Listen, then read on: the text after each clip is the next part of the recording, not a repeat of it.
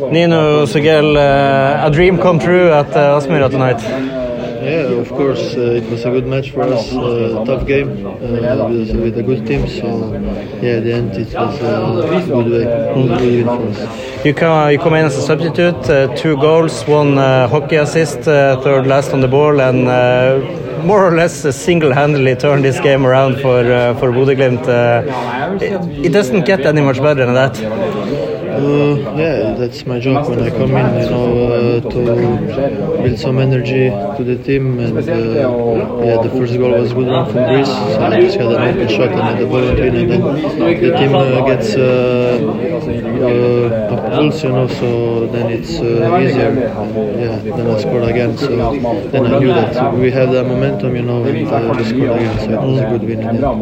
Obviously, this is a confidence boost for you. Uh, is this what we can expect more from you this season? Come in and score important goals and be a, a big part of this uh, team when the season starts. I, uh, believe in uh, hard work. Like I'm training every day as much as I can. So yeah, I'm giving my everything, and I will try to do my best every time when I play. Mm.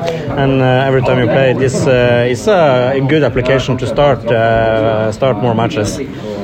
Yeah, of course, uh, that's my job. Uh, every player wants to play as many minutes as he can, but uh, every time I'm going to be on the pitch, I will give my best for the team.